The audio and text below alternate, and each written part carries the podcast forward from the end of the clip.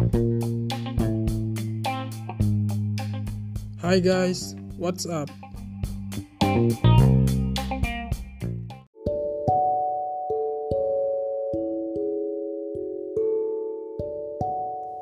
Kembali lagi bersama dengan saya Rugeri di Arsik Podcast.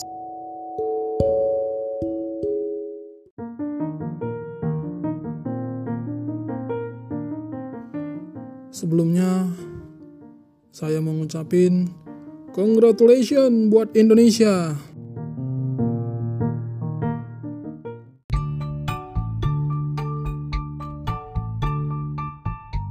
Selamat buat Kak Grace dan buat Kak Apri Rahayu yang baru saja berhasil mempersembahkan medali emas di ajang Olimpiade Tokyo 2020.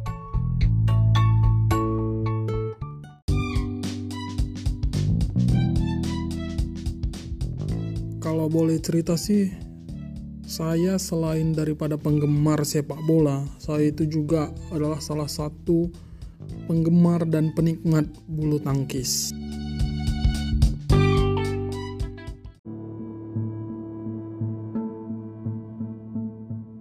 Saya tahu bulu tangkis itu pada saat saya SD, itu sekitar tahun 2000-an. Saat itu nama yang terngiang di bulu tangkis adalah topik hidayat. Yang mana topik hidayat saat berseteru dengan Lindan ya. Pasti teman-teman pendengar juga semua tahu akan hal itu.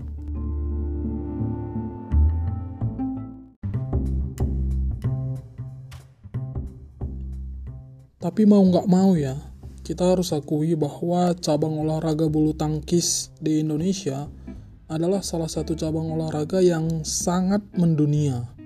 Lewat cabang olahraga ini, itu negara-negara lain banyak mengenal bangsa kita seperti itu. Jadi ini satu hal yang sangat patut dibanggakan ya kepada seluruh pejuang-pejuang atlet-atlet bulu tangkis juga patut kita apresiasi yang setinggi-tingginya.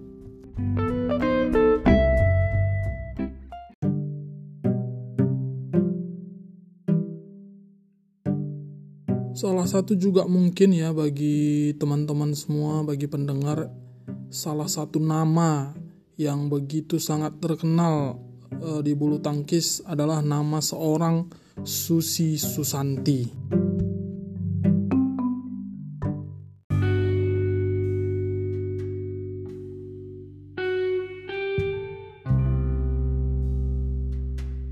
Yang mana Susi Susanti adalah pebulu tangkis tunggal putri Indonesia yang sangat berprestasi dan mengharumkan nama bumi pertiwi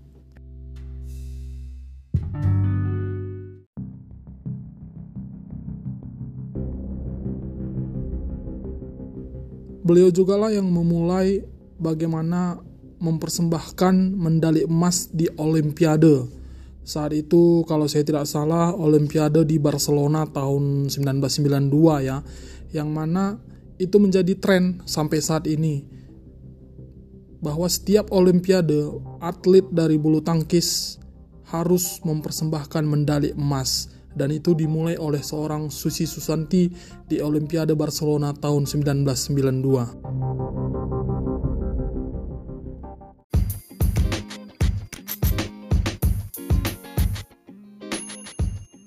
Dan juga di Olimpiade Barcelona tahun 1992 bahwa bukan hanya Susi Susanti yang berhasil mempersembahkan medali emas buat Indonesia, ada juga dari tunggal putra yaitu Alan Budi Kusuma berhasil mempersembahkan medali emas buat Indonesia.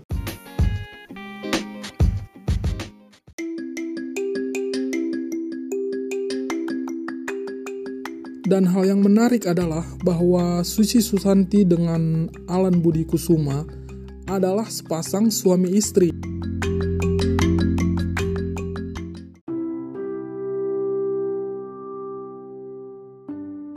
kalau tidak salah mereka itu menikah lima tahun setelah Olimpiade Barcelona ya 1992 berarti mereka menikah sekitar 1997 so shit banget nggak sih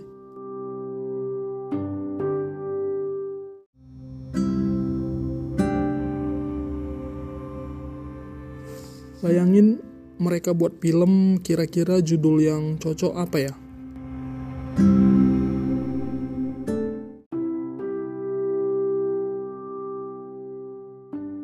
Mungkin semes aku dengan cintamu. Iya, iya, iya.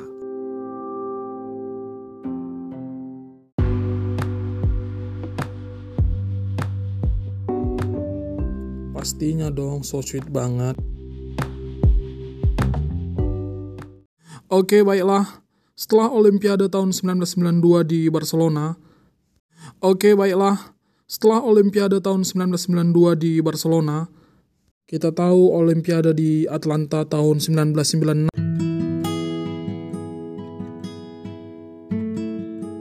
pada Olimpiade di Atlanta tahun 1996 kita tahu ada pasangan ganda putra Indonesia juga yang berhasil mempersembahkan medali emas buat Indonesia yaitu ada Bung Reksi dan Ricky Subaja ya. Tren untuk mempersembahkan emas di Olimpiade berikutnya juga terus berlanjut. Bahkan Olimpiade berikutnya di Sydney, Australia masih dari ganda putra Indonesia juga berhasil mempersembahkan medali emas buat Indonesia yaitu atas nama Tony Gunawan dan juga Chandra Wijaya. Wow, sangat luar biasa ya. Lanjut di Olimpiade Beijing tahun 2008, kita juga berhasil meraih medali emas melalui ganda putra. Pada saat itu ada Hendra Setiawan masih berpasangan dengan almarhum Markis Kido ya. Sangat wonderful, luar biasa. Yang juga tak terlupakan yang juga menjadi sejarah yaitu Olimpiade Athena tahun 2004 kita juga berhasil meraih medali emas lewat tunggal putra yaitu Topik Hidayat ini juga salah satu momen yang sangat luar biasa di dunia bulu tangkis Indonesia menurut saya. Mungkin kita sempat kecolongan di tahun 2012 Olimpiade London ya kalau saya tidak salah kita gagal membawa medali emas mempersembahkannya buat Indonesia. Tapi tidak apa karena hal itu dibayar lunas di Olimpiade Rio tahun 2016 lewat ganda campuran Indonesia Tantowi Ahmad dan Liliana Natsir atau Butet yang berhasil meraih medali emas buat Indonesia juga ini nggak kalah menarik dengan Olimpiade-Olimpiade sebelumnya.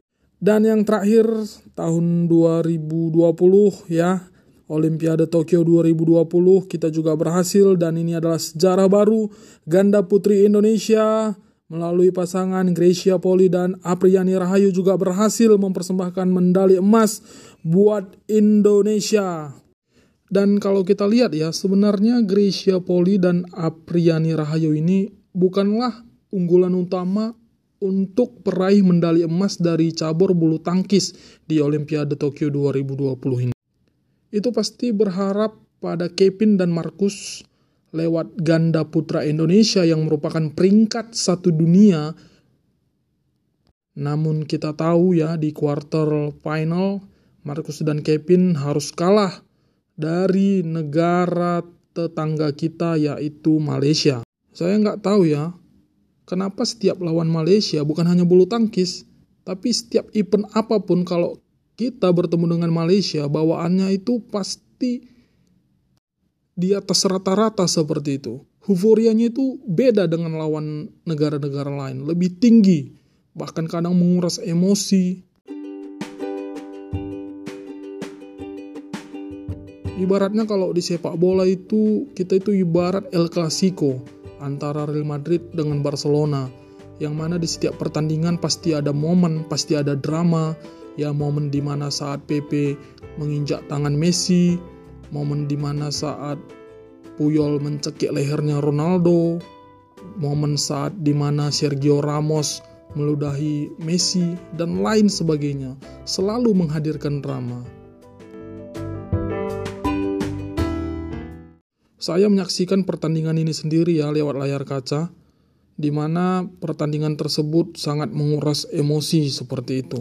Ya, di tengah kesibukan, di tengah kerjaan, saya selalu berusaha mencuri waktu, menyempatkan diri untuk dapat menyaksikan pertandingan mereka walau hanya lewat layar kaca. Itu juga lah yang terjadi pada saat pertandingan quarter final ganda putra ya saat Kevin dan Marcus bertanding menghadapi ganda putra Malaysia Aaron Chia dan Soh Woyik yang mana ya mau nggak mau kita juga harus mengakui keunggulan mereka ya. Saya melihat pada pertandingan tersebut ya ganda Malaysia ini coba terus mencuri start, coba terus memberikan pressure kepada Kevin dan Marcus. Mereka coba dengan bola-bola cepat mereka, mereka coba bermain net dan dan mereka sangat berapi-api seperti itu sehingga Marcus dan Kevin tidak mendapat celah dan pada akhirnya ya kita harus mengakui mereka unggul seperti itu.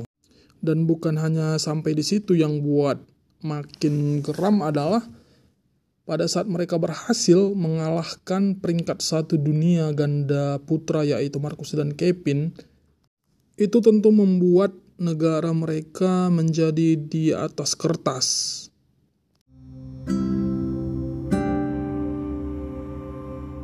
Kita ganda putra Indonesia peringkat dua dunia yaitu Hasan dan Hendra. Pada saat pertandingan itu ya saya memang berharap kiranya mereka boleh membalaskan dendam dari Kevin dan Marcus. Tapi alhasil kembali terulang.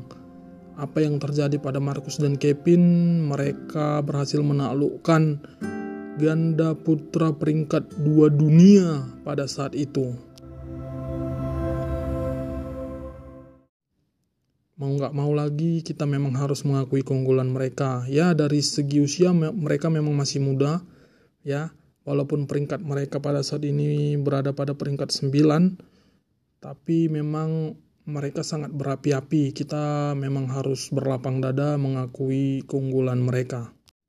Nah, setelah ganda putra Indonesia peringkat satu dan peringkat dunia gugur, maka pupuslah harapan Indonesia untuk meraih medali emas di Olimpiade Tokyo 2020. Tinggal tersisa tunggal putra Indonesia yaitu Anthony Sinusuka Ginting dan juga pasangan ganda putri Grisha dan juga Rahayu. Yang mana sebelumnya tunggal putri kita juga gagal, ada juga tunggal putra Jojo juga gagal dan juga uh, ganda campuran Prapen dan Melati juga gagal. Harapan itu kembali ada di pundak seorang Anthony Sunsuka Ginting ya yang mana seluruh masyarakat Indonesia berharap melalui beliau ada satu medali emas. Dan itu dibuktikan di quarter final ya pada saat itu menghadapi Denmark. Kalau saya tidak salah Antonsen ya peringkat eh, tiga dunia kalau saya tidak salah. Dan di situ Ginting tampil sangat meyakinkan dan berhasil meraih kemenangan untuk lolos ke semifinal. Namun sangat disayangkan di semifinal Ginting harus bertemu dengan Chen Long yang sebenarnya dari segi usia sudah cukup berumur namun tetap masih aktif di dunia bulu tangkis ya dengan permainan-permainan bola-bola jauh dengan permainan-permainan drop shot drop shot beliau kembali lagi Ginting harus mengakui keunggulan beliau. Kembali ke Grisha dan Apri tadi ya. Nah, bahwa sebenarnya Gracia dan Apri bukanlah unggulan pertama untuk meraih medali emas melalui cabur bulu tangkis di Olimpiade Tokyo ini. Mereka mulai dilirik oleh masyarakat Indonesia pada saat Gracia dan Apri berhasil mengalahkan ganda putri nomor satu dunia asal Jepang, yaitu Yuki Fukushima dan Sayaka Hirota di laga terakhir grup A.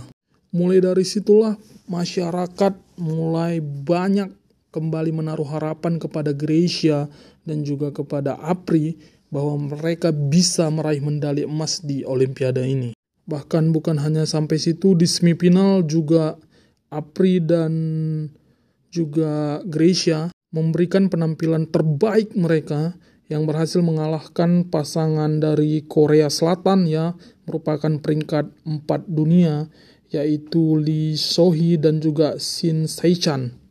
Dan kita tahu di partai final lewat doa, lewat dukungan semua masyarakat Indonesia, Gracia, dan juga Apri berhasil memenangkan pertandingan dan mengalahkan ganda putri China Chen Qingchen dan juga Jia Yifan yang merupakan peringkat tiga dunia.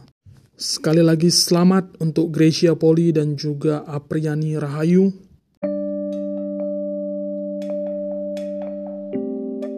Dan hal yang luar biasa menurut saya pribadi adalah pada saat final bulu tangkis ini ya, final dari ganda putri ini Gracia dan juga Apri sedang bertanding memperebutkan medali emas untuk Indonesia.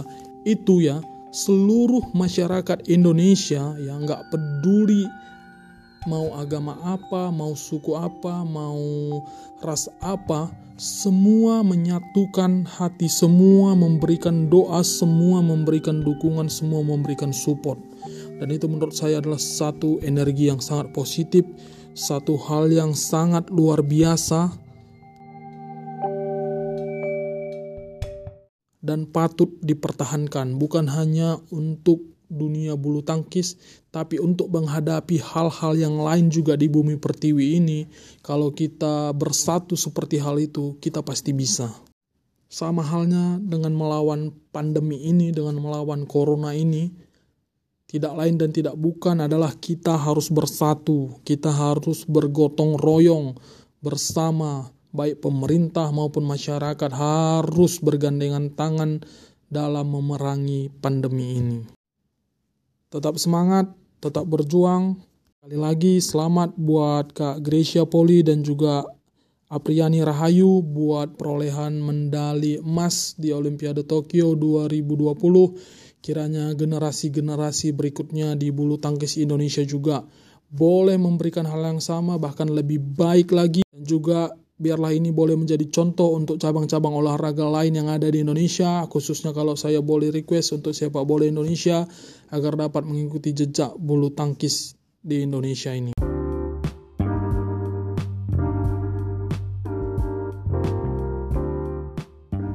Sekian dari saya, salam NKRI. Hai guys, what's up? Kembali lagi bersama dengan saya Rugeri di Arsik Podcast. Apa kabar teman-teman semua? Saya harap semua teman-teman dalam keadaan baik, sehat, dan tetap bersuka cita.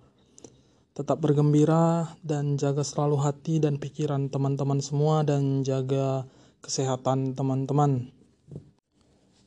Kali ini uh, aku mau cerita ya. Tadi pas jam istirahat aku uh, buka-buka komputer dan tanpa disengaja kali ya ada sebuah iklan ya iklan dari Google tentang sebuah cerita. Ceritanya ini sangat inspiratif sekali ya. Mungkin teman-teman juga semua udah sering dengar aku nggak tahu tapi aku rasa cerita ini sangat menarik dan sangat cocok untuk kehidupan kita yang sekarang di situasi pandemi ini. Jadi ceritanya itu begini ya uh, pada suatu hari ada seorang dosen bertanya kepada mahasiswanya mengenai berapa berat gelas yang berisi air yang sedang ia pegang. Mungkin dosen ini adalah dosen fisika kali ya. Nah, pada saat si dosen bertanya kepada mahasiswanya, maka beberapa mahasiswanya pun menjawab. Ada yang menjawab 100 gram, 20 gram, 50 gram, dan lain sebagainya.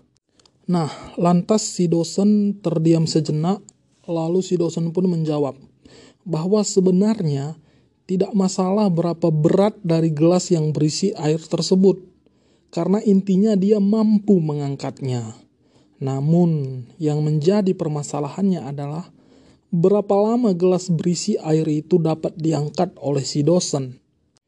Jika mungkin diangkat hanya satu menit atau dua menit, mungkin gak ada masalah ya biasa aja gitu. Namun jika diangkat 2 atau 3 jam mungkin tangan akan terasa pegal dan sakit. Bahkan jika diangkat dalam satu harian penuh, maka lengan akan terasa mati dan dapat menyebabkan kelumpuhan. Berat dari gelas dan air di dalamnya tidak berubah. Namun semakin lama diangkat, maka akibat buruk terhadap diri kita pun akan semakin besar terjadi. Mungkin situasi saat ini membuat pikiran kita dapat menjadi stres kekhawatiran yang berlebihan. Mungkin kita berpikir, gimana nih, gimana kerjaan gua, mau makan apa anak istri gua, ini masih pandemi, ekonomi hancur, kerjaan nggak ada, bahkan pemecatan di mana-mana. Gimana nih gua dapat bertahan hidup, PPKM terus diperpanjang, mau makan apa nih besok, dan lain sebagainya. Kadangkala bukan lagi virusnya yang dapat membunuh kita atau mungkin COVID-nya yang membunuh kita, tetapi kita dibunuh oleh pikiran kita sendiri. Rasa takut, rasa kekhawatiran, rasa bimbang, semua yang ada di dalam pikiran kita tersebut sama halnya dengan air yang ada di dalam gelas tersebut. Jika kita memikirkannya sebentar saja, mungkin tidak akan apa-apa, mungkin akan berlalu seperti angin. Tapi jika kita memikirkannya mungkin 1, 2, 3 jam, mungkin akan menimbulkan beban di dalam hidup, di dalam pikiran kita. Bahkan, jika kita memikirkannya seharian penuh, maka itu akan dapat membuat kita menjadi lelah dan pikiran kita menjadi kacau, kita menjadi stres, bahkan dapat menyebabkan stroke, bahkan dapat menyebabkan kematian pada saat itu juga. Jadi intinya apa? Intinya adalah selalu ingat untuk menaruh gelas itu kembali bahkan bila perlu tidak perlu untuk diangkat. Jangan biarkan pikiran negatif membebani hidup kita dan merusak masa depan kita.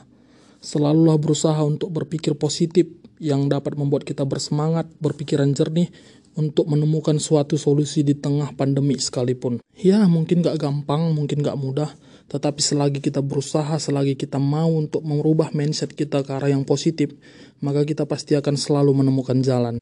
Berusahalah untuk selalu melihat hal baik di tengah hal buruk sekalipun. Karena pikiran kita menentukan langkah hidup kita. Jika kita berpikir baik, maka yang baik akan terjadi dalam hidup kita. Tetapi jika kita berpikir buruk, maka itulah yang jadi. Sekali lagi, cobalah pikirkan yang baik di tengah hal buruk sekalipun. Karena selalu ada kebaikan saat kita berpikir baik, bahkan di tengah hal buruk sekalipun tetap semangat, tetap berjuang, tetap positive thinking. Terima kasih. See you.